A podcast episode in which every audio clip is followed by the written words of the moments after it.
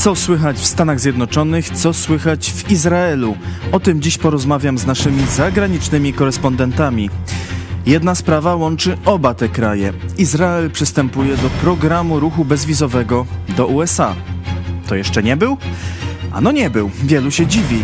Jak to? Najbliższy sojusznik i ciągle z wizami? Czyżby Polska była lepszym przyjacielem USA niż Izrael? Zapytam o to Eli Barbura i Martynę Kulec. Izrael pomaga też Ukrainie zabezpieczać elektrownie atomowe, co bardzo wzburzyło Rosję. Powiemy także o udaremnionym zamachu na izraelskiego ministra. A w Stanach Zjednoczonych debata bez Trumpa. Wczoraj odbyła się debata republikańskich kandydatów na kandydatów w amerykańskich wyborach prezydenckich. Jednego nie było. Donald Trump po raz kolejny debatę zlekceważył, a kandydaci mówili także o Polsce. Co? O tym już za chwilę. Cezary Kłosowicz, idź pod prąd na żywo. Zapraszam.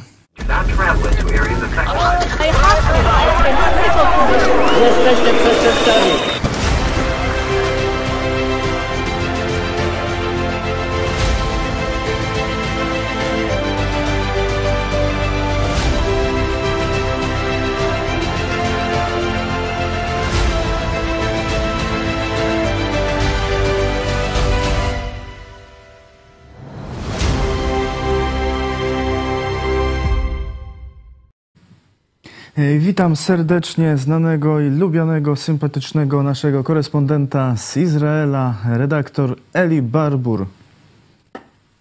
Dzień dobry, dzień dobry panu, witam państwa, jak zwykle gorąco wszystkich. Y, gorąco w Izraelu? Trochę lepiej już. No, no, mogłoby być jeszcze lepiej, ale to, to jest już taka jesień zaczyna się powolutku, powolutku. Ja słyszałem, że w Polsce świetnie jest, przyjaciele mi meldują tutaj. W Polsce tak. Fajna Ciepło, pogoda znaczy, pogoda, pogodowo. Ciepło, słonecznie, y, ale nie upalnie, y, także całkiem sympatycznie y, klimat się wrześniowy ustawił. Panie redaktorze, doszły do nas wieści, że Izrael dołącza do ruchu bezwizowego ze Stanami Zjednoczonymi.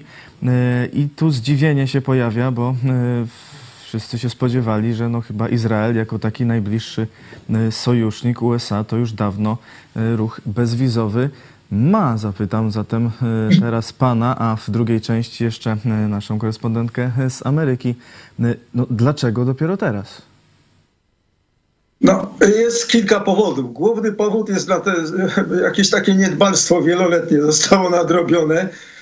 Ja podejrzewam, że to jeszcze jest jakiś relikt, e, znaczy z tym mm, fakt, że Izrael nie miał te, tych uprawnień, to była jakaś taka relikt przeszłości, gdy jeszcze się w Izraelu e, takie podskórne obawy e, panowały, że wielu Izraelczyków po prostu ucieknie do Ameryki. No to już dawne czasy, no zmieni, zmieniła się rzeczywistość, no ale prawem inercji, wiecie Państwo, no, to, to, to, nie była najważniejsza rzecz, bo jakoś tam biurokratyczne przeszkody, yy, ktoś blokował, ktoś komuś się nie chciało odblokować, to taka sprawa. Natomiast jest to i także odcień polityczny oczywiście, bo yy, w, naszy, w, naszy, w naszych czasach to bez tego się nie może obejść, jak wiadomo.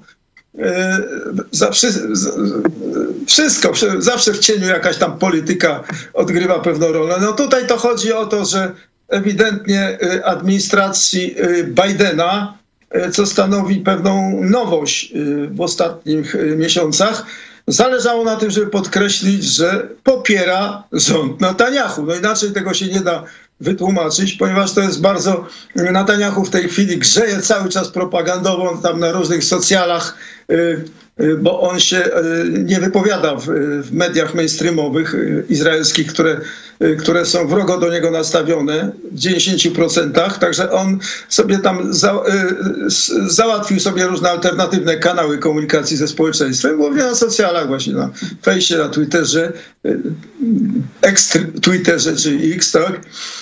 I on tutaj grzeje tym numerem, że proszę bardzo, odblokowana, została sprawa, że tam parki narodowe w Ameryce czekają, że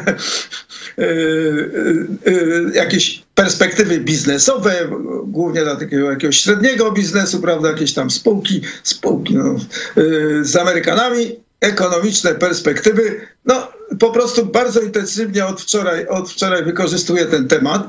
E, no i jeśli chodzi o Amerykanów, no to to się troszkę zmieniło, nie troszkę, zmieniło się e, diametralnie nastawienie tej, tej ekipy Bidena do, do, e, do rządu Netanyahu, bo w ostatnich miesiącach administracja waszyngtońska wyraźnie popierała te protesty przeciwko, przeciwko Netanyahu w Izraelu, trwające już tam chyba z 8 miesięcy. Tam już nikt tego nie pamiętam, kiedy to się zaczęło, jakoś tak, gdzieś tam na wczesną wiosną.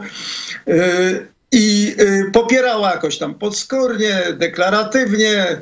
Kasa też szła na, te, na, na organizowanie tych wszystkich masowych protestów.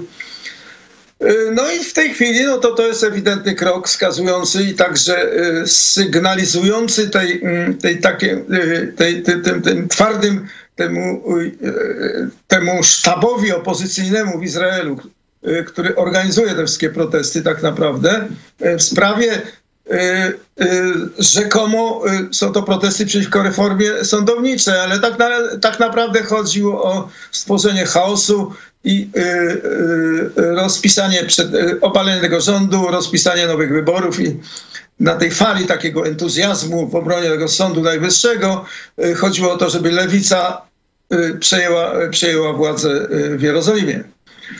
Także w tym wypadku, no to wyraźnie tu widać, to, to niby drobiazg z tymi wizami, ale to jest cholernie ważna rzecz w takim odczuciu powszechnym w Izraelu. Dlatego Netanyahu, który jest mistrzem w tych, w tych sprawach takich w odczuwaniu tego pulsu ludowego, tak, e, prawda, e, wykorzystuje to teraz i, e, no i to jest wyraźny, wyraźny, wyraźny sygnał, że żeby, że Waszyngton w tej chwili idzie z, z obecnym rządem Netanyahu, a to jest szersza sprawa, bo tutaj chodzi, Amerykanom, znaczy ja mówię konkretnie o ekipie Bidena, której zależy prawda, na wygraniu wyborów w przyszłym roku.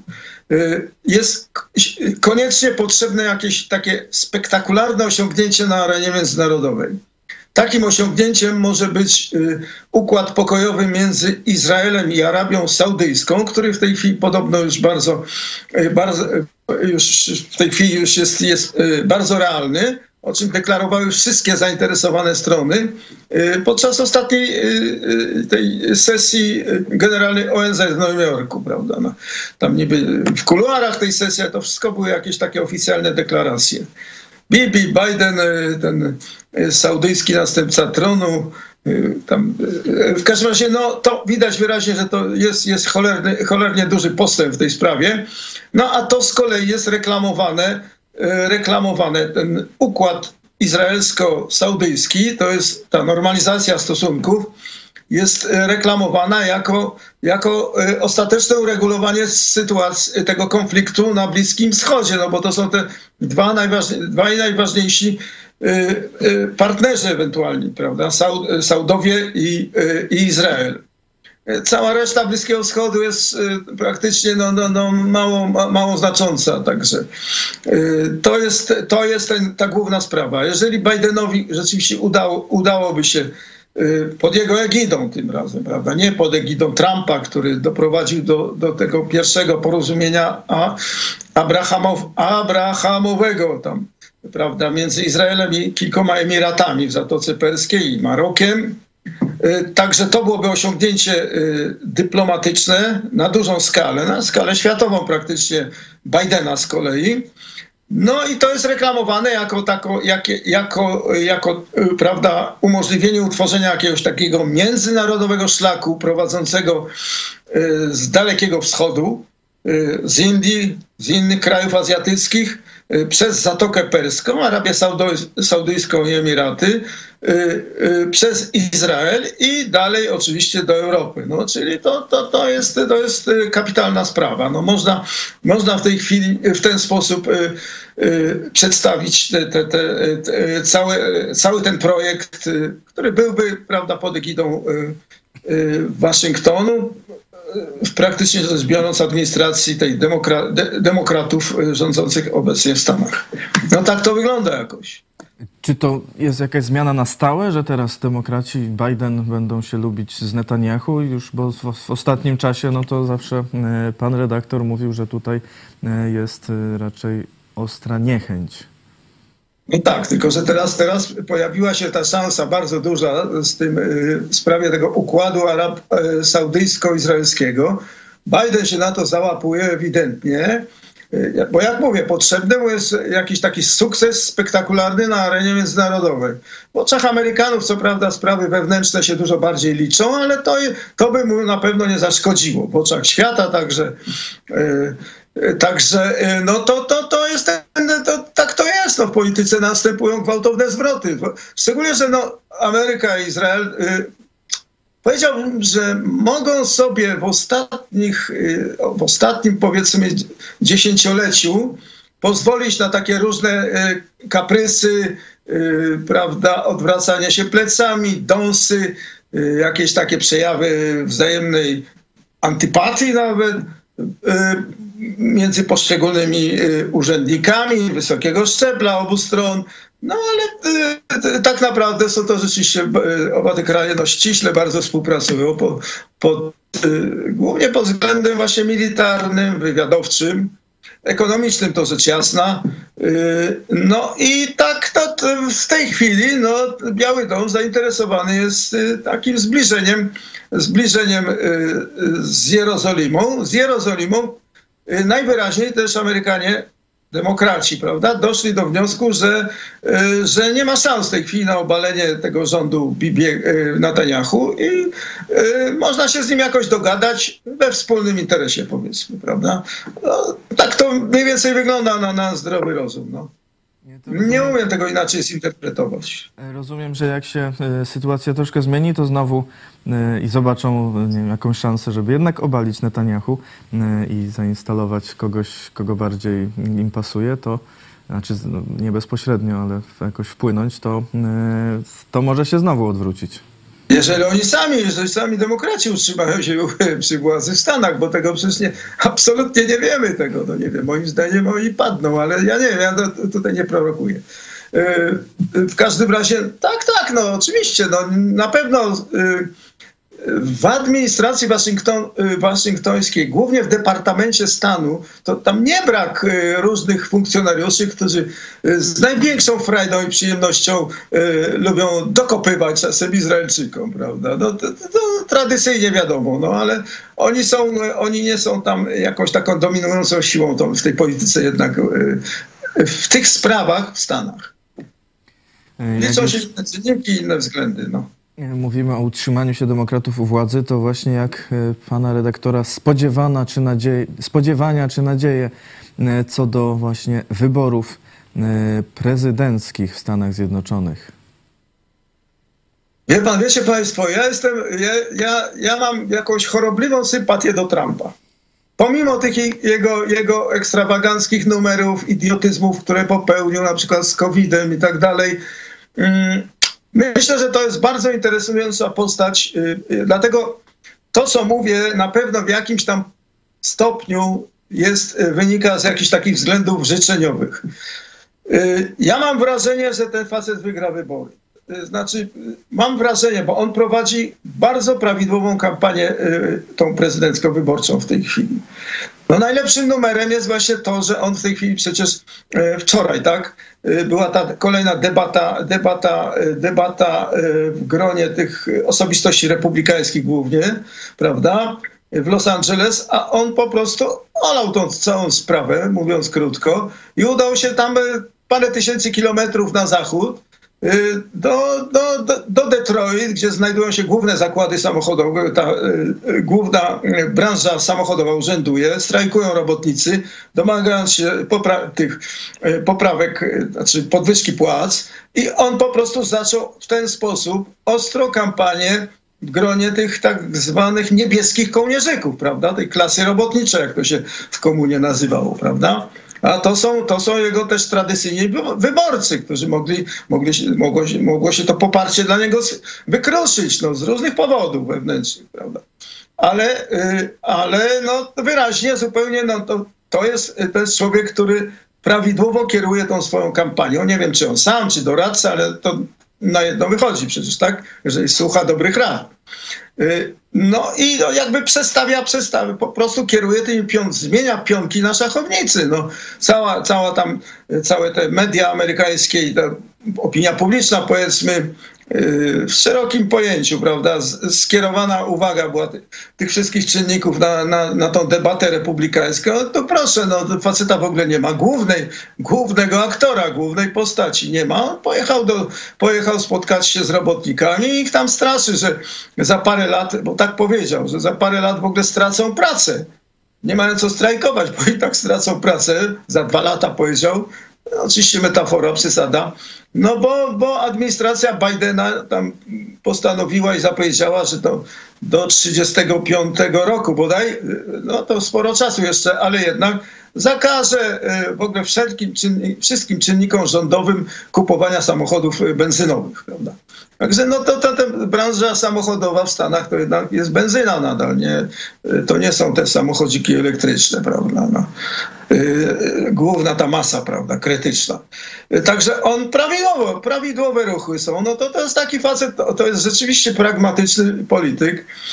E, no i jeżeli już na ten tem, na, na tego Trumpa zeszło, to wiecie Państwo, ja uważam, że to, on właściwie to główną rolę polityczną to już y, y, w kontekście światowym odegrał, bo on ostrzegał przed tymi wszystkimi głównymi zagrożeniami. Y, Chiny, Rosja przecież ostrzegał przed uzależnieniem energetycznym Europy od Rosji. Wielokrotnie z trybuny ONZ, nawet w Warszawie jak był, ostrzegał Niemców, Niemcy sobie kpiny robili, są takie znane obrazki w ONZ, że o tym mówi, uważajcie niemiaczki tam przed, przed, przed, przed tym, że tam kompletnie zależycie od tej ropy rosyjskiej, takie uśmieszki tam puszczali, ta delegacja niemiecka, to są znane, e, znane takie, takie rzeczy, które e, przeszły do leksykonu politycznego, no ale to, to jest, on odegrał rolę tako, takiego głównego alarmu sygnalizującego, że, że, że demokracja zachodnia, cały wolny świat jest po prostu y, y, jakiś taki, no, no, no w tej chwili po prostu niepewny, że jest tam wewnętrzny kryzys. To chodziło też o te y, o media mainstreamowe, które są kompletnie, tutaj się absolutnie z nim zgadzam. Zresztą, jak mówię, w wielu sprawach się zgadzam. No, ja malutki, prawda, zgadzam się, zgadzam się, że media mainstreamowe to jest cholernie wielki problem w świecie zachodnim, bo one są stronnicze, kompletnie zdegenerowane w tej chwili Y, no, to jest, to jest zaprzeczenie tej podstawowej roli mediów niezależnych przecież. No. Mówię o tych mainstreamowych mediach, te wielkie sieci telewizyjne, te, te jakieś tam gazety, które też wie, wie, w dużej części też spadają, przecież mają ograniczony nakład, ograniczają nakład, zwalniają ludzi. Szpigiel niemiecki nawet zwalnia masę, zwolnił ostatnio masę pracowników. Y, to tylko takie te oderwane przykłady.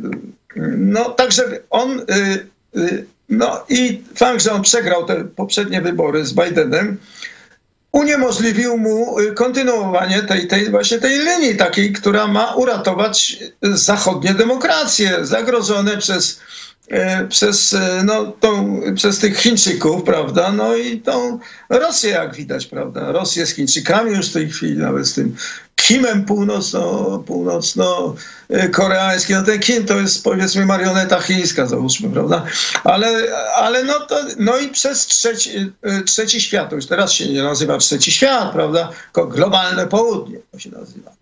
No ale to jest, to jest, to jest parę dobrych miliardów ludzi, no i potem po, poważny problem światowy. No.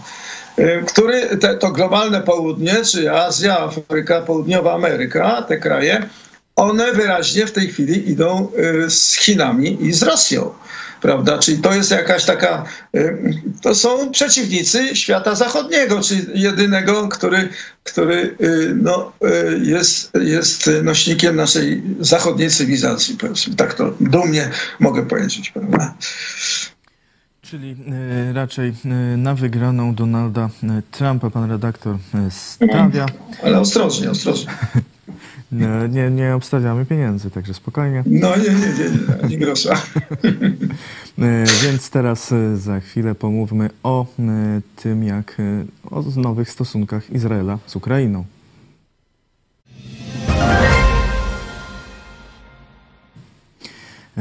Izrael pomaga Ukrainie zabezpieczyć elektrownie atomowe. E, Dowiedzieliśmy się niedawno, co wzbudziło e, oczywiście oburzenie e, wielkie Rosji, aż jakieś tu wspominania Holokaustu ze strony MSZ-u rosyjskiego. Co to się wydarzyło, panie redaktorze? No, zacznę może od końca, od tej Zacharowej, tak? Tej rzeczniczki, rzeczniczki MSZ w Moskwie, no. No, ale to jest niestety, no, no, no, oni, oni musieli wykorzystać ten incydent y, w parlamencie kanadyjskim. No, to po prostu była no, żenada i masakra. No. Ta, ta, ta owacja stojąco zgotowana temu, temu, e, temu zbiorowi ukraińskiemu, prawda? Z tego Waffen SS, tam Ga- Galic, ten, no wie- wiecie Państwo o co chodzi, prawda? No ale ten, e, e, no oczywiście no, była wpadka potworna tych Kanadyjczyków, notabene e, cała ta ekipa, ekipa łącznie z tym speakerem e, tej, tej Izby Gbin e, kanadyjskiej, tam jak, jak, e, e, to, to są przecież lewicowcy, no ten, ta, te rządy Trudeau, to, to, jest, to jest e, nawet powie- powiedziałbym, że skrajna lewica, no. Także no, no jeszcze raz widać tą głupotę tego, tych, tych wszystkich orientacji lewicowych, ignorancję historyczną. No, dumnie się nazywa, prawda? Ignorancja historyczna, to po prostu zwykły debilizm i tempota, no. Jakaś podstawowa zupełnie, no. U nich jest, oni takie rzeczy powinni wiedzieć, ja mówię o tych y, czynnikach jakichś tam rządowych w Kanadzie, bo tam jest y, druga co do wielkości emigracja ukraińska. Tam w sensie z milion Ukraińców mieszka w tej Kanadzie, a w sumie jest ich tam, y, nie wiem, tam ludność Kanady jest 20 milionów, coś parę, także to jest bardzo duży od- odsetek i oni się powinni orientować, y, co, co ci y, co i jak, y, y, co i jak z tymi Ukraińcami w ogóle, z historią Ukrainy. Oczywiście, że to moment jest w tej chwili taki, że, y, że sekowanie, sekowanie Zełęńskiego i w ogóle i Ukraińców jako takich no jest nieodpowiednie, no, bo, bo, bo, bo wszyscy popieramy Ukrainę w walce z, z, z, z tym ruskim najazdem, prawda? Ale tak to jest, no, tak wypadło. No, Zełęński po prostu się zbłaździł, no ale miejmy, miejmy nadzieję, że, że jakoś to wygaszą. No. no i teraz tutaj sprawa, tak, no, z tym Trudeau się ściska. No, okej. No Trudeau tam zadeklarował też jakoś zwiększenie, kolejną transzę pomocową dla Ukrainy, sporą, to jest 650 milionów dolców, no to, to, to nie, nie można lekceważyć takich rzeczy. No. Ale nagle, y, no i to jest, y, to nic dziwnego, że, y, że ta propaganda rosyjska, no to dosłownie wykorzystała ten moment, żeby pokazać, no proszę bardzo, proszę bardzo, kogo wy Izraelczycy popieracie? Nazioli, Ze- Zełenski, prawda, fetował tego, tego, tego, y, tego hitlerowca. Y, Przy okazji cała ta, y, całe te twierdzenia Rosjan o tym, że y, y, y, y, przecież opierają się na tym, że, że, że Ukraińcy, a właściwie w ramach y, teorii spiskowej Zachód y, prawda, y, wywindował Zełęńskiego na to, y, na to stanowisko prezydenckie, żeby pokazać, że Ukraina nie jest antysemicka, no bo Żyd i tak dalej, prawda, korzeń, korzonki, no to, ale tak naprawdę to my, Rosja, walczymy z tymi, z, z naziolami, prawda, no to jest cała ta propaganda rosyjska od samego początku, no.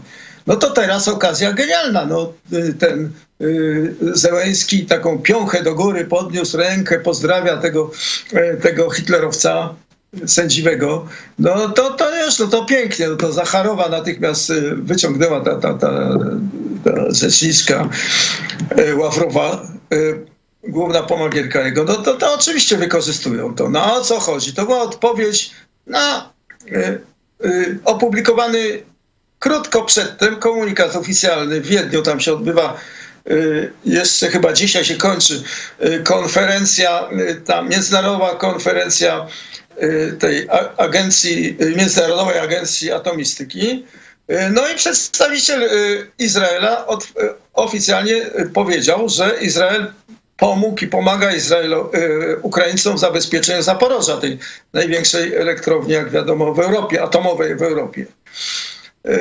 No to, to Rosjanie to uznali oczywiście za gest skierowany przeciwko nim, no i oznakę, że tam zacieśnia, nie wiem czy zacieśnia się, ale jest, jest, jest coś takiego jak wsparcie Izraela i to w poważnej bardzo kwestii dla walczącej Ukrainy, prawda?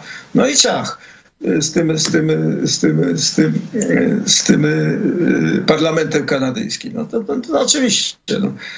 Ale, ale tak naprawdę to Izrael mógłby dużo bardziej, dużo więcej pomagać Ukrainie, no ale ma też, jak już mówiłem wielokrotnie u was, ma swój interes dotyczący bezpieczeństwa narodowego, związany z obecnością, dalszą obecnością wojskową Rosji w Syrii gdzie także próbuje usadowić się Iran.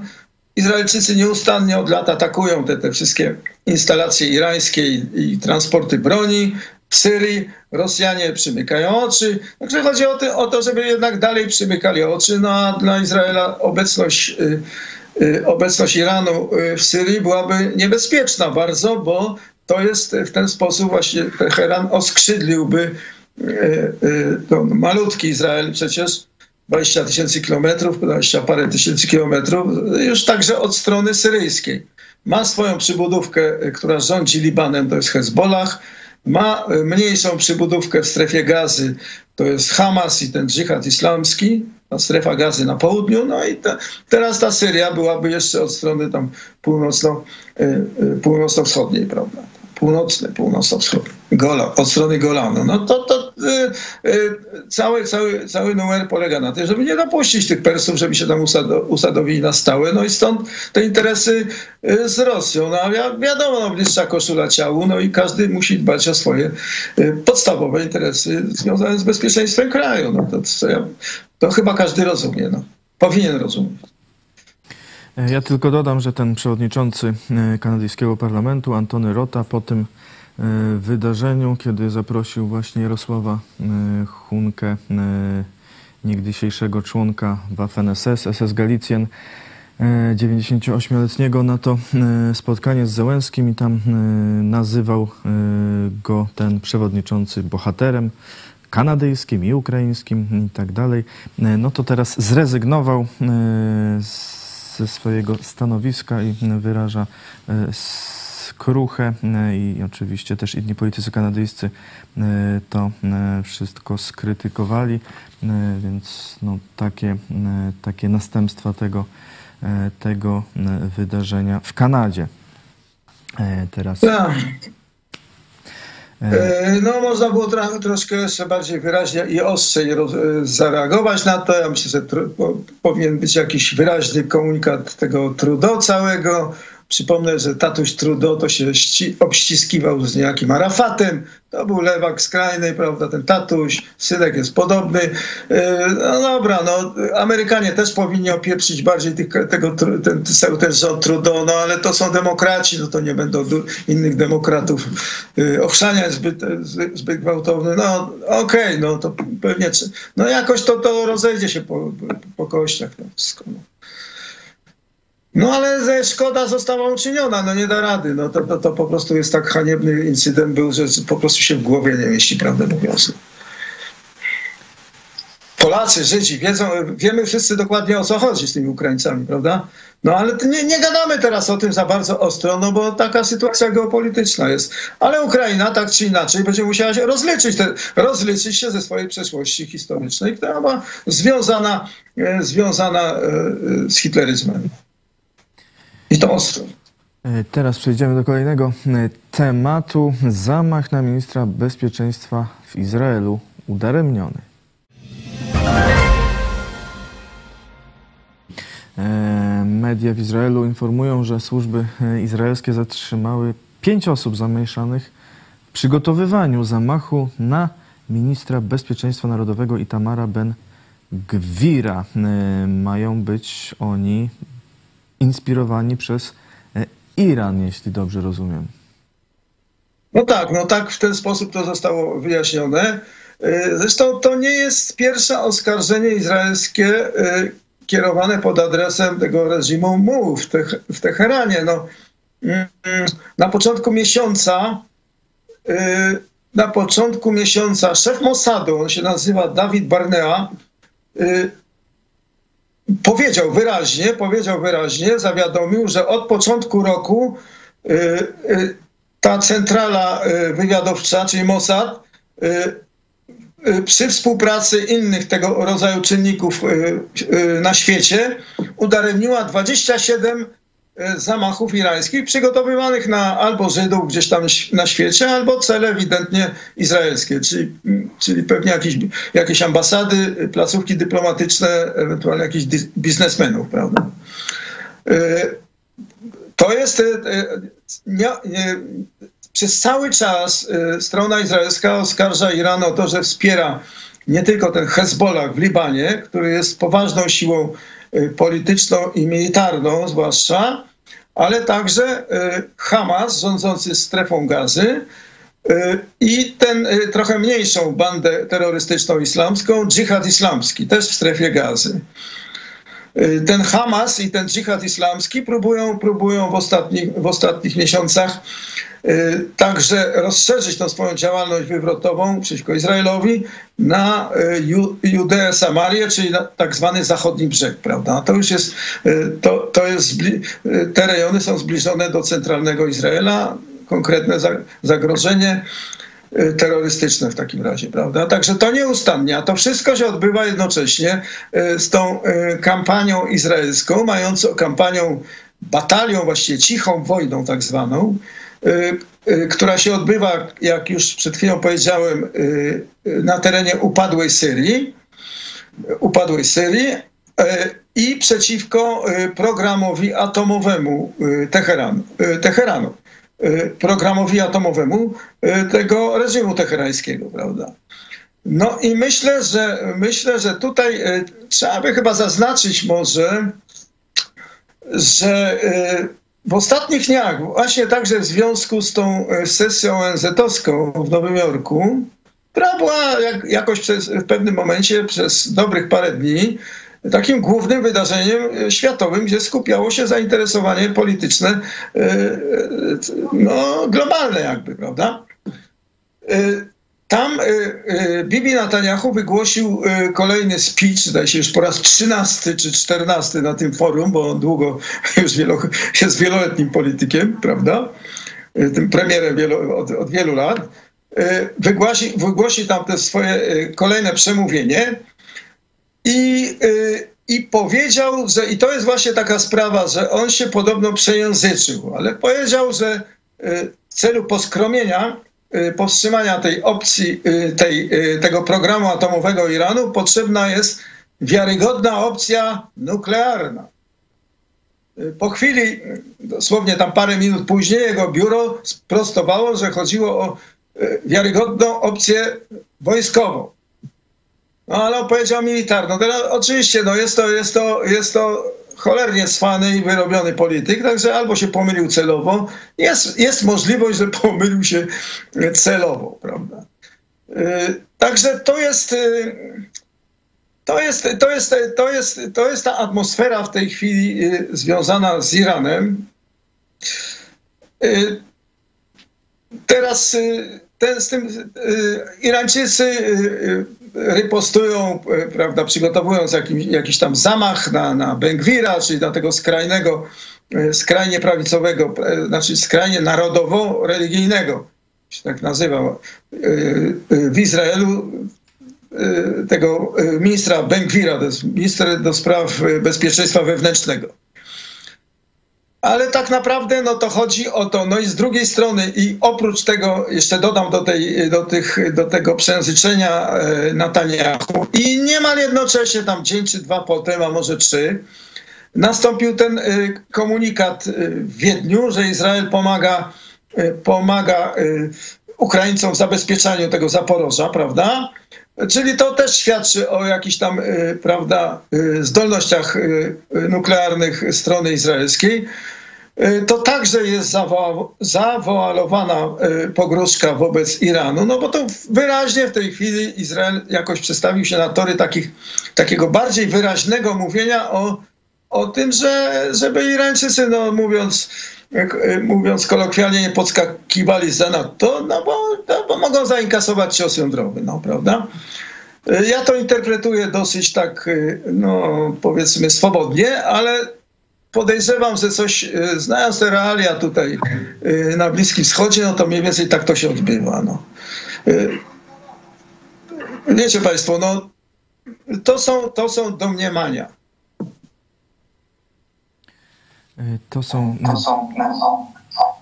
domniemania, e, ale e, no, sytuacja jest na pewno w Izraelu e, gorąca cały czas. No i ta sytuacja z Iranem, który no, można wymienić w jednym rzędzie z tymi, którymi, których wcześniej pan wymieniał, Rosja, Chiny, Korea jako zagrożenie dla świata zachodniego. Mamy komentarze e, i pytania od naszych widzów e, także. Marko, jeśli można pytanie. Czy prawdą jest, że obecna władza w Izraelu wydała zgodę na podzielenie placu wzgórza świątynnego, aby nie trzeba było burzyć meczetu, a można rozpocząć budowę świątyni? Ja nie słyszałem o czymś takim w każdym razie, ale to nie wydaje mi się realne, zwłaszcza, zwłaszcza y, y, w momencie, kiedy władzę w Izraelu y, sprawuje prawica, prawda, ten rząd Netanyahu. No. Nie, to jest raczej niemożliwe, no tam skład Przede wszystkim nie ma takiego konsensusu w ogóle w Izraelu. Nie ma, nie ma i nie będzie zapewne, no, dające się przewidzieć przyszłości. No. Y, ale y, to jest, y, to jest faktem jest też, że przecież w skład koalicji rządowej Bibiego wchodzą też partie religijne, no to ogóle religijne, prawda, to, to w ogóle nie ma mowy o czymś takim, nie, nierealna sprawa. Tam bo, po prostu nierealna sprawa. No. Nie wydaje mi się to w ogóle. To, nie ma czegoś takiego. E, Maro Marenio pisze, redaktor EB wali prosto z mostu. E, I Maria, dziś pan Eli Barbur, super i pozdrowienie. Dzięki bardzo. Pozdrawiamy. E, DJ Carlos. Kanada przynajmniej wywaliła speakera i przeprosiła organizacje żydowskie za to, więc nie wiedzieli, kim był ten starszy człowiek, ale niestety Ukraińcy do teraz nie przepraszają, zwyczajnie e, przykro. No nie, no głupota czasem jest niewybaczalna po prostu. No. No głupota jest naprawdę, powiedzmy sobie szczerze, prawda? Czasem głupota jest niewybaczalna. No. To jest po prostu było tak głupie, idiotyczne i, i, i haniebne po prostu, że ja dobra, no mnie to się we łbie nie mieści. Mówię o Kanadyjczykach, no. Wspólny bohater kanadyjsko-ukraiński, no proszę bardzo, no. Dziękuję e, bardzo panie redaktorze za ten e, komentarz dzisiaj do e, tych wydarzeń w Izraelu. Czy może jeszcze jest coś, o, czym, o co nie zapytałem, a co jest ważne na Bliskim Wschodzie teraz? Najważniejsza sprawa teraz to jest, rzeczywiście ja już mówiłem, to jest ta sprawa zbliżenia saudyjsko, saudyjsko-izraelskiego. Mówiliśmy o tym. To jest kompletne odwrócenie, odwrócenie tutaj tego tak zwanego, jak lewactwo używa tego określenia, paradygmatu. Paradygmatu bliskowschodniego, że warunkiem uregulowania konfliktu bliskowschodniego jest uprzednie utworzenie państwa palestyńskiego, czyli tak zwane dwupaństwowe y, rozwiązanie. No to jest, to jest y, to kompletnie w tej chwili jest pomijane i nie tylko pomijane przez Saudyjczyk, Saudów, tą dynastię Saudów, którzy dotychczas przez kilkadziesiąt lat warunkowali jak, jak, jakieś tam, prawda, ugodę z Izraelem właśnie e, to, tym rozwiązaniem dwupaństwowym. Nie ma czegoś, tej chwili, czegoś takiego w tej chwili, bo Saudowie się boją Iranu i chcą współpracować. Przecież za tym całym układem e, szykującym się układem normalizacyjnym izraelsko-saudyjskim, to tak naprawdę aczkolwiek ekonomia jest bardzo ważnym czynnikiem, bo tu wszyscy zarobią, łącznie z Europą i z, z Dalekim Wschodem, tym jakimś takim, tym, tym ja mówię o tych proza, prozachodnich krajach na, na Dalekim Wschodzie. Y, powiązania z Europą, z, z, z, Bliskim Wschodem, ten, ten jakiś tam, to się nazywa korytarz ekonomiczny, który będzie tam przebiegał przez tą Zatokę Perską i, Izrael. Y, to jest, stoi za tą, za tą nagłą y, taką y, zgodą saudyjską na unormowanie stosunków z, z Izraelem, jest strach przed Iranem, No i to, to, to oczywiście, że Izrael jako, jako kraj atomowy i tak dalej, to y, y, wysoko rozwinięty technicznie, militarnie i tak dalej, to wszystko znane rzeczy, prawda, to y, Saudom jest y, to poparcie i y, spodziewany jest sojusz militarny z Izraelem, który już w tej chwili w dużej mierze zakulisowo jest realizowany, bo istnieje współpraca, czym się głośno nie mówi, wojskowa między Arabią Saudyjską i Izraelem, tam różne y, wspólne, prawda, produkcje, pro- jakieś tam y, y, projekty zbrojeniowe, wywiadowcze na pewno. Także no to, to, jest, to jest ta główna sprawa, o której no może nie mówiliśmy dostatecznie, ale to, to, to właśnie się odbywa. Tak to, tak to wygląda na dziś w tej chwili. E, Dziękujemy bardzo panie redaktorze e, za e, dzisiejszy komentarz. Polecam naszym widzom serwis Tel Aviv Online. Pan redaktor Eli Barbur był dzisiaj z nami. Dziękujemy. Dzięki również, pozdrawiam jeszcze raz i do zobaczenia, do usłyszenia. Do zobaczenia, a za chwilę łączymy się z Nowym Jorkiem, ale wcześniej pastor Paweł Chojecki e, przemówi do Was, e, a właściwie do prezydenta Dudy, e, ale Wy też będziecie mogli posłuchać z Międzynarodowego Festiwalu Filmowego Niepokorni, Niezłomni, Wyklęci w Gdyni. Posłuchajcie. Zareagowałeś na to, że ten festiwal jest pod patronatem prezydenta Andrzeja Dudy. No to jest człowiek, który z wolnością nie ma nic wspólnego. On albo jej nie rozumie, no albo wręcz celowo zwalcza. Pastor po raz pierwszy w historii Polski skazany za krytykę dogmatów katolickich i władzy pisowskiej, między innymi jego. I ja mu dałem szansę dwa razy w czasie tego haniebnego procesu farsy, praktycznie zbrodni sądowej. Bo już zostałem skazany, już jestem e, w myśl prawa trzeciej RP kryminalistą. To nie był proces cywilny, że ktoś tam ma jakieś ale i żebym ja go przeprosił.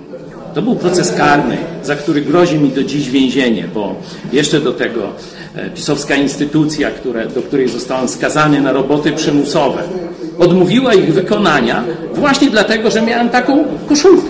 I mi teraz grozi więzienie, bo nie wykonałem wyroku według nich. Nie? E, I Duda miał okazję dwukrotnie przerwać tę farsę i zbrodnię sądową.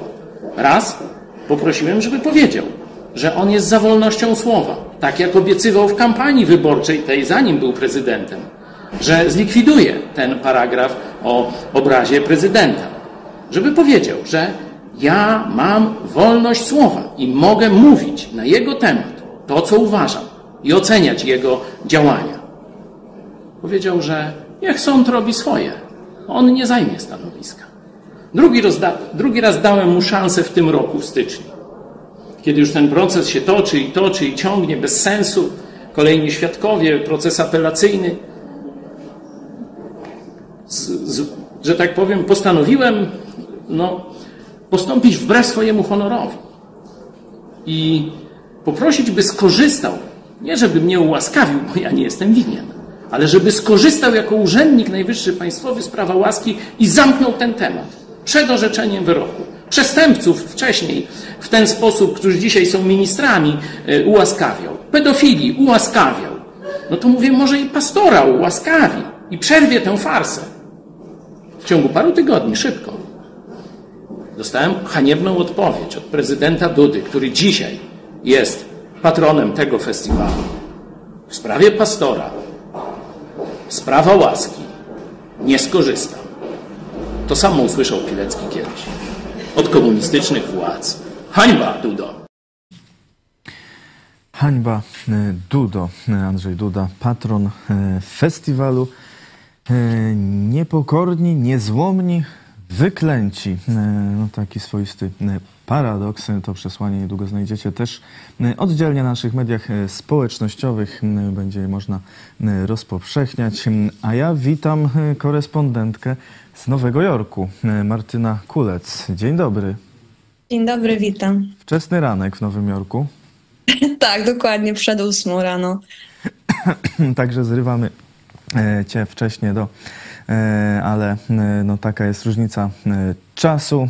Martyna dla Was opowie, co się dzieje w Stanach Zjednoczonych. Najpierw jeszcze zapytam o ten program bezwizowy z Izraelem, a potem będziemy rozmawiać o debacie, debacie republikańskiej, więc najpierw ten program ruchu bezwizowego dla Izraela. Dlaczego Izrael w ogóle nie był w ruchu bezwizowym? Wydawało się, że to najbliższy sojusznik Stanów Zjednoczonych, a tu Polska kilka lat wcześniej przystąpiła. Czyżby Polska była lepszym przyjacielem USA niż Izrael? No raczej największa więź jest z Izraelem, tym bardziej, że największa diaspora Żydów e, na całym świecie jest poza Izraelem istnieje właśnie tutaj w Ameryce, szczególnie w Nowym Jorku. Więc powiedziałabym, że tak naprawdę problem toczy się w tym, że tak długo się wojna rozgrywa w, e, pomiędzy Izraelem a Palestyną i dlatego Ameryka tak przez długi okres nie chciała e, wejść w taką relację, bo to jest już więź taka na no, no, przez dłuższy okres. Tym bardziej, że Amerykanie też będą mieli prawa teraz przyjeżdżać do Izraela bez wizy, jak i Izraelici będą mogli przyjeżdżać do Ameryki bez wizy. Więc to jest taka więź, co nie można łatwo złamać i to jest y, kontrakt, więc mi się wydaje, że Ameryka chciała pierwszy potwierdzić, że to jest sojusznik, który bardzo potrzebuje, zanim wejdzie w, taką, w taką zgodę. I mi się wydaje, że dlatego, że tak wojna się toczy na Ukrainie, dlatego, że teraz jest zagrożenie od Chin, to Ameryka weszła w tą relację, żeby zapewnić sojusznika e, w Izraelu. E, sojusznika e, w Izraelu teraz, kiedy e, ten program się e, rozpocznie, kiedy już z Izraela będzie można bez wizy e, lecieć do Stanów Zjednoczonych? A już to będzie można robić pod koniec listopada. Koniec listopada. To my też mieliśmy w listopadzie, dokładnie, tylko że w 2019 roku, dokładnie od 11 listopada rozpoczął się tak symbolicznie program bezwizowy z Polski do USA. E, także e, no, taka ciekawa e, zbieżność. Przejdźmy teraz do głównego tematu teraz dzisiaj czy wczoraj w Stanach Zjednoczonych, czyli debata kandydatów republikańskich, kandydatów na kandydata na prezydenta. Jeden był nieobecny, czyli Donald Trump po raz kolejny. Dlaczego Donald Trump nie chce brać udziału w debatach z innymi republikanami?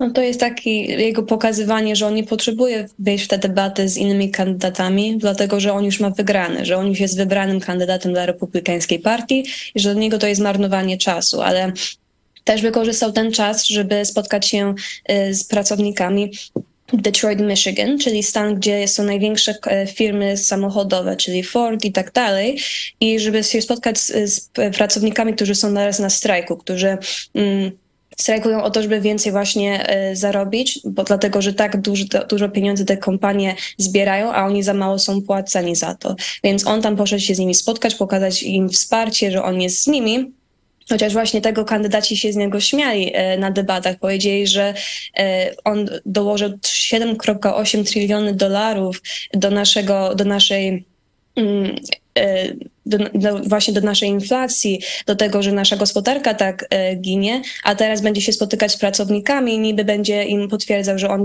jest z nimi, że stoi z nimi. Więc to był taki żart tak naprawdę na debatach, że on się nie postawił, bo też boi się e, odpowiedzieć na te pytania właśnie, co on zrobił do gospodarki, co on zrobił, co um, powiedział, że zrobi z imigracją, tak naprawdę nie zrobił. Więc był brutalny atak na Donald Trumpa, ale widzę, że dalej ludzie go wspierają, dalej głosują na niego, dalej go widzą jako przyszłego prezydenta Stanów Zjednoczonych, chociaż e, kandydaci bardzo silnie walczyli o to, żeby nie dostał um, głosów ludzi, głosów Amerykanów.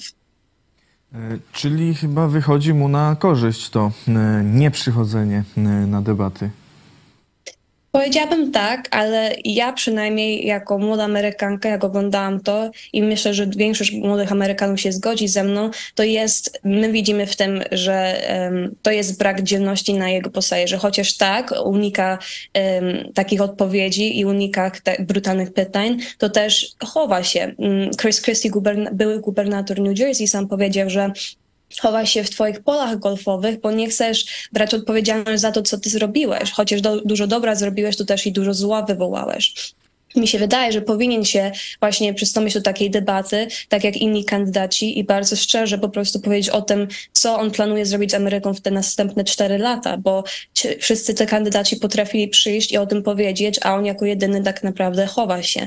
A ludzie, którzy dalej na niego głosują, to są też Amerykanie, którzy nie oglądają te debaty, które tak naprawdę już mają swoją opinię, na kogo będą głosować i nie chcą usłyszeć nowej opinii.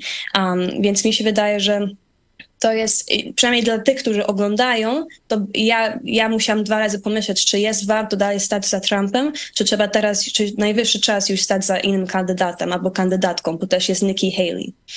E, Chris Christie też stwierdził, że e, tomu, e, jeśli dobrze zrozumiałem, że to przezwisko teraz do niego przylgnie Donald Duck.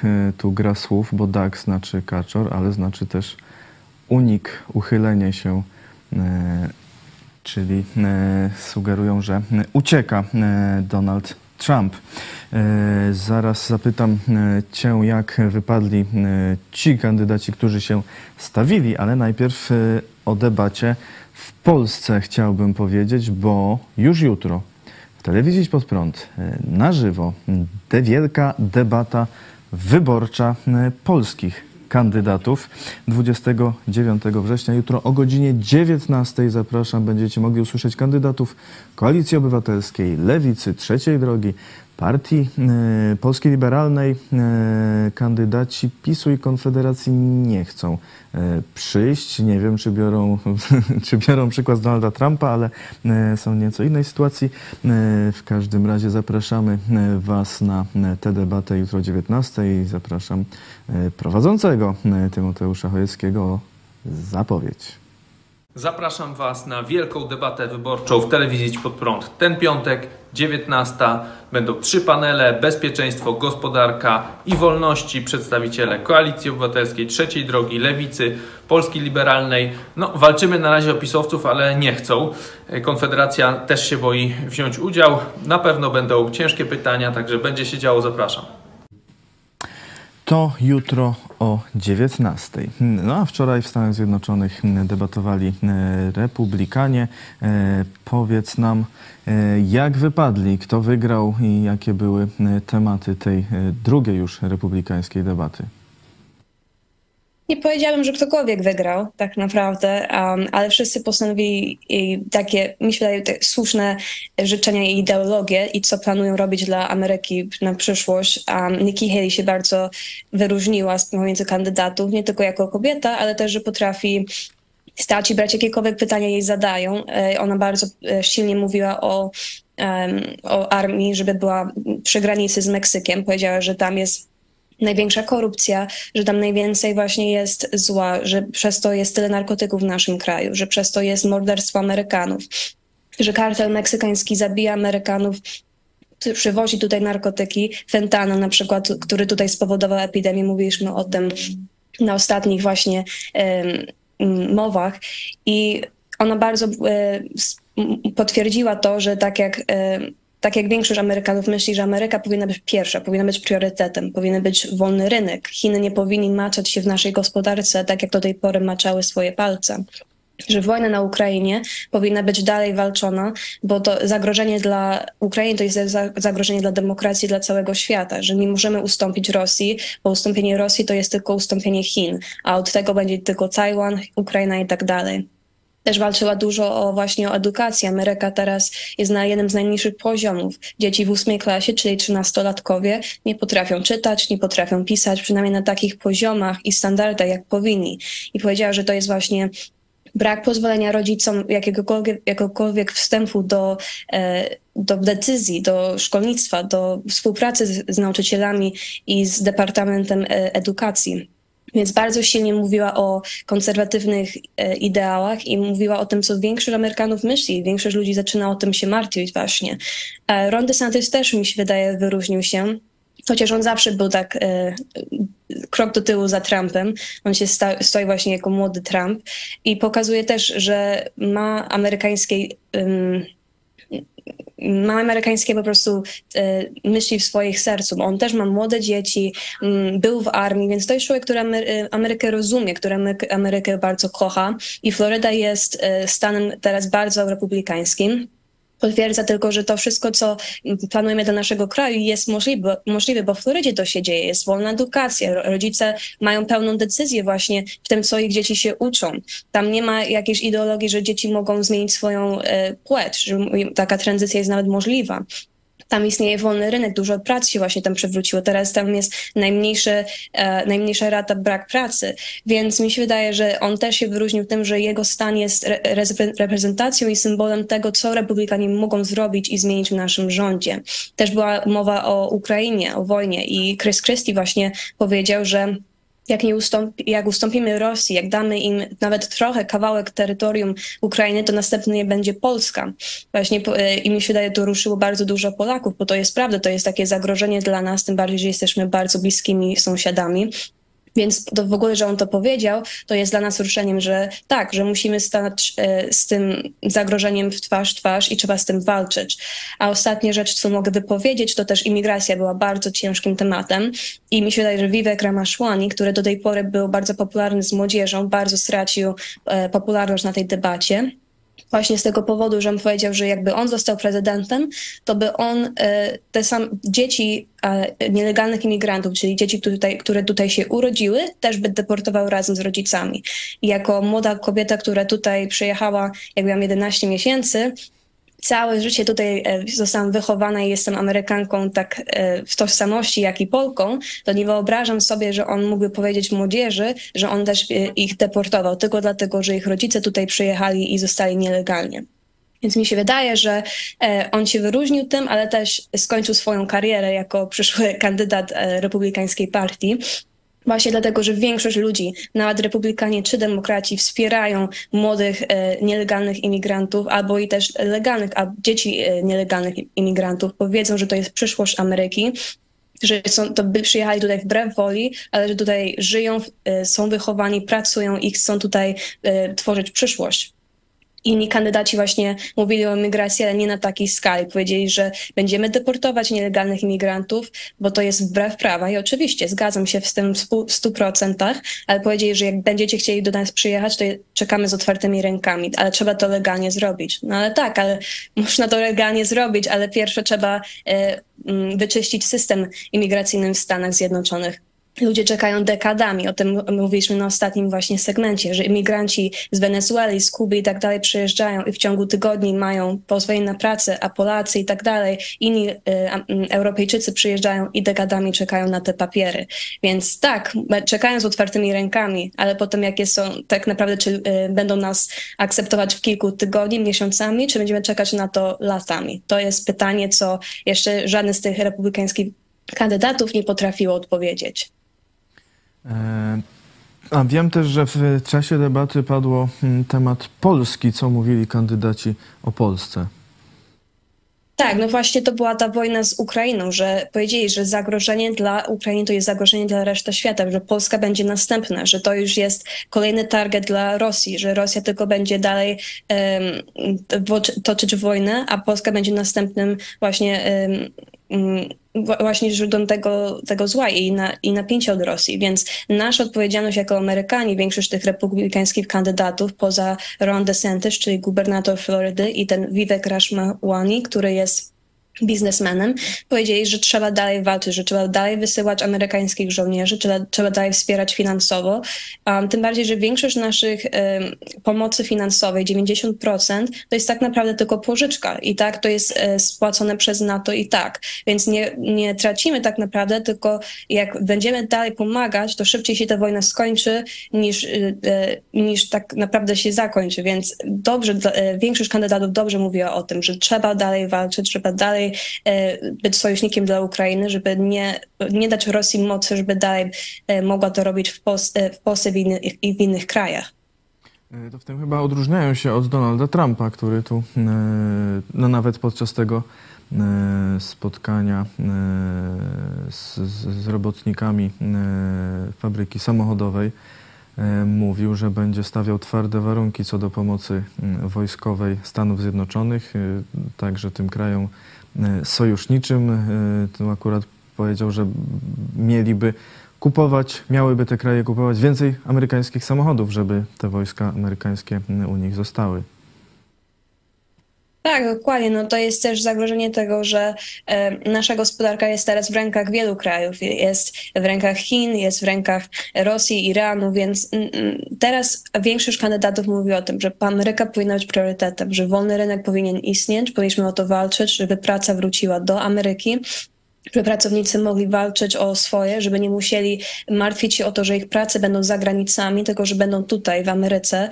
I właśnie mi się wydaje, że e, Trump właśnie uzasadnił to przez, to, przez ten protest, przez e, współpracę z tymi z, z pracownikami, którzy byli na strajku, bo pokazał, że tak, że dalej staje z Amerykanami, z pracownikami, zwykłym middle class tutaj się nazywa, czyli ludzie, którzy po prostu żyją normalnym życiem, którzy pracują, płacą podatkami i troszeczkę po prostu wymagają od tego rządu, żeby ich wspierali w tym, żeby byli z nimi żeby im e, tak naprawdę zrobili łatwe życie dla swoich dzieci, żeby mogli e, stworzyć tak amerykański dream, czyli to marzenie amerykańskie, to co wszyscy tutaj marzą o tym, jak przyjeżdżają i tutaj jest imigracja do Ameryki.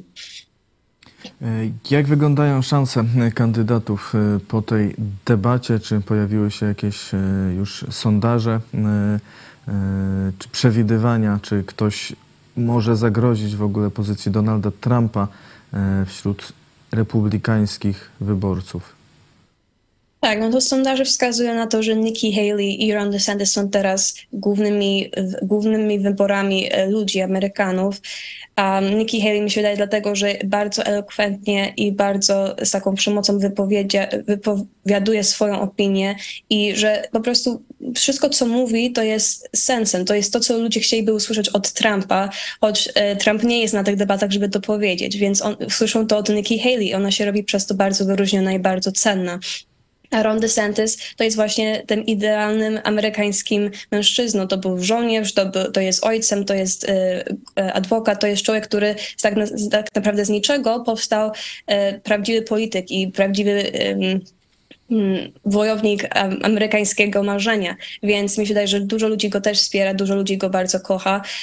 Większość e, ludzi z Florydy mówią teraz, dużo Polaków właśnie migrowało do Florydy przez to, że tam jest e, tak, taki konserwatywny rząd, republikański rząd i tam stanowo można naprawdę czuć się wolnym, więc mi się wydaje, że on też ma wysokie szanse wygrane, jakby nie było za Trump, bo tak naprawdę dalej ludzie będą głosować na Trumpa, nie ma znaczenia, czy będą o niego e, brutalnie mówić na takich debatach i tak będą go wspierać i tak, bo to jest już teraz symbol. To już nie jest tylko człowiek, tylko też symbol co Ameryka mogła być i co dalej może być. Um, to jest wiesz, to jest też silne jako symbol, więc dlatego mi się wydaje, że większość ludzi i tak będzie na niego głosować i tak, a wiesz, to jest, nawet jakby wygrał, to jest jego ostatni termin, więc mi się wydaje, że większość tych kandydatów doskonale o tym wie, że może nie będą mieli wygrane w tę debatę, w, tę, w tym terminie, ale po następnym terminie, po tych następnych czterech latach będą mogli wyskakiwać i ludzie będą ich pamiętać i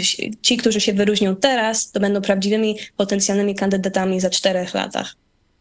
E, czyli e, prawie na pewno kandydatem republikanów będzie Donald Trump, a jakie są jego szanse na wygraną e, w całych wyborach? Trudno jest to powiedzieć, tym bardziej, że właśnie on teraz jest w sprawach sądowych i walczy z różnych stron, z różnymi sądami przeciwko różnych oskarżeniom, więc trudno jest powiedzieć, czy w ogóle będzie mógł startować jako prezydent, bo e, jest to stanowe prawo w konstytucji, że Stany mogą e, go e, wyrzucić jako kandydata, że nie będzie mógł nawet startować, więc Zobaczymy, to jest kwestia czasu, jak rozegrają się te jego sprawy sądowe, czy wygra, czy zostanie uniewinniony, więc zobaczymy, ale mi się wydaje, że jest dalej wysoka szansa. Ludzie już są zmęczeni Bidenem, zmęczeni tym, co zrobię do naszego kraju, zmęczeni, zmęczeni tym, że on w ogóle nie dba o Amerykanów, że jego priorytet nie są Amerykanie, tylko wszyscy poza Amerykanami. Że tutaj, jak, jak omawialiśmy w ostatnim tygodniu, migranci przyjeżdżają masowo Philadelphia, Nowy Jork, Los Angeles i tutaj e, takie miasta sanktuaria to teraz się robią śmietnisko, po prostu tak, e, taki, tak, taka jest wysoka rata kryminalności, ta, tutaj jest e, zbrodnia, jest, no jest po prostu źle, jest wysoka teraz poziom też e, bezdomności, więc mi się wydaje, że ludzie są już tym zmęczeni, już e, rządzą zmiany, rządzą coś nowego i tak naprawdę jak jest taki okres, co prezydent demokratyczny nie potrafi zrobić, e, znaczy z partii demokracyjnej nie potrafi zrobić prawdziwą zmianę, nie potrafi um, odpowiedzieć na, na te pytania, które zapowiadają im, im Amerykanie, to wtedy Amerykanie wybierają nową partię i w tej kwestii to będzie republikańska partia. To jest ten zmienny okres, kiedy ludzie przemieniają swoją y, ym, allegiance, czyli czy- y, ich sojusznicy i w tej kwestii mi się wydaje, że większość ludzi będzie wspierać Donalda Trumpa, no bo nawet jakby był ostry, nawet jakby jego dialog był e, wybredny czasami, to i tak go ludzie wybiorą, bo wiedzą, że będzie zmiana, będzie coś robione. E, Oby była ta zmiana na e, lepsze w Stanach Zjednoczonych. Dziękuję e, Ci bardzo. Martyna Kulec, korespondentka Idź Pod Prąd w Nowym Jorku. Dziękuję bardzo, do zobaczenia. I ja jeszcze mam dla Was kilka ogłoszeń o debacie. Już mówiliśmy, zapraszamy na debatę jutro o godzinie 19. Polska debata wyborcza. Zapraszamy też na koncert. Koncert muzyki chrześcijańskiej na pożegnanie wakacji, pożegnanie e, lata w sobotę, e, najbliższą 30 września na Placu Litewskim w Lublinie e, o 17.30. Jerzy i Małgorzata Dajuk wraz z Misją Muzyka, a o 19.00 na Placu Litewskim zespół Kościoła Nowego Przymierza w Lublinie. Zapraszamy z Lublina i okolic, czy skądkolwiek zechcecie przyjechać. E, A mam jeszcze e, przed sobą puzzlowy wykres.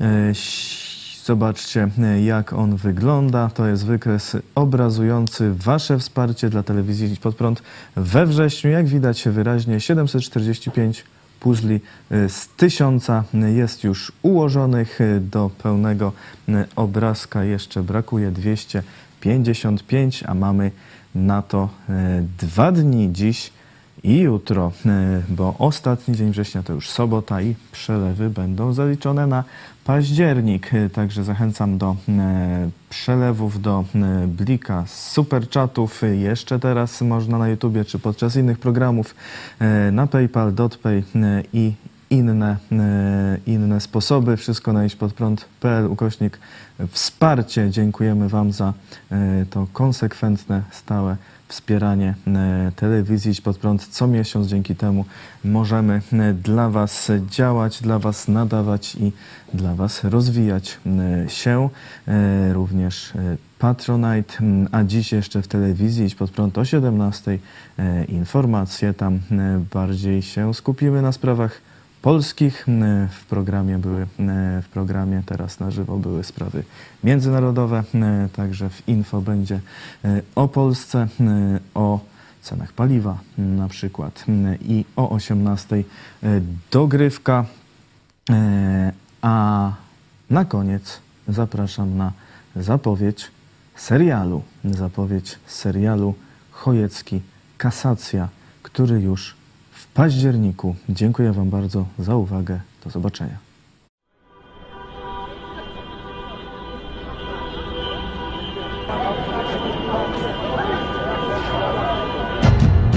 Dobrze, ale y, dlatego mówię, tu może zostać tylko jedna osoba. Dostał pan fałszywe informacje, nie wtargnęliśmy nigdy. Niewykonanie tego nakazu dla mnie to jest więzienie na sztywno. Nie wsadzą do żadnego więzienia. Ale nie pan o tym decyduje.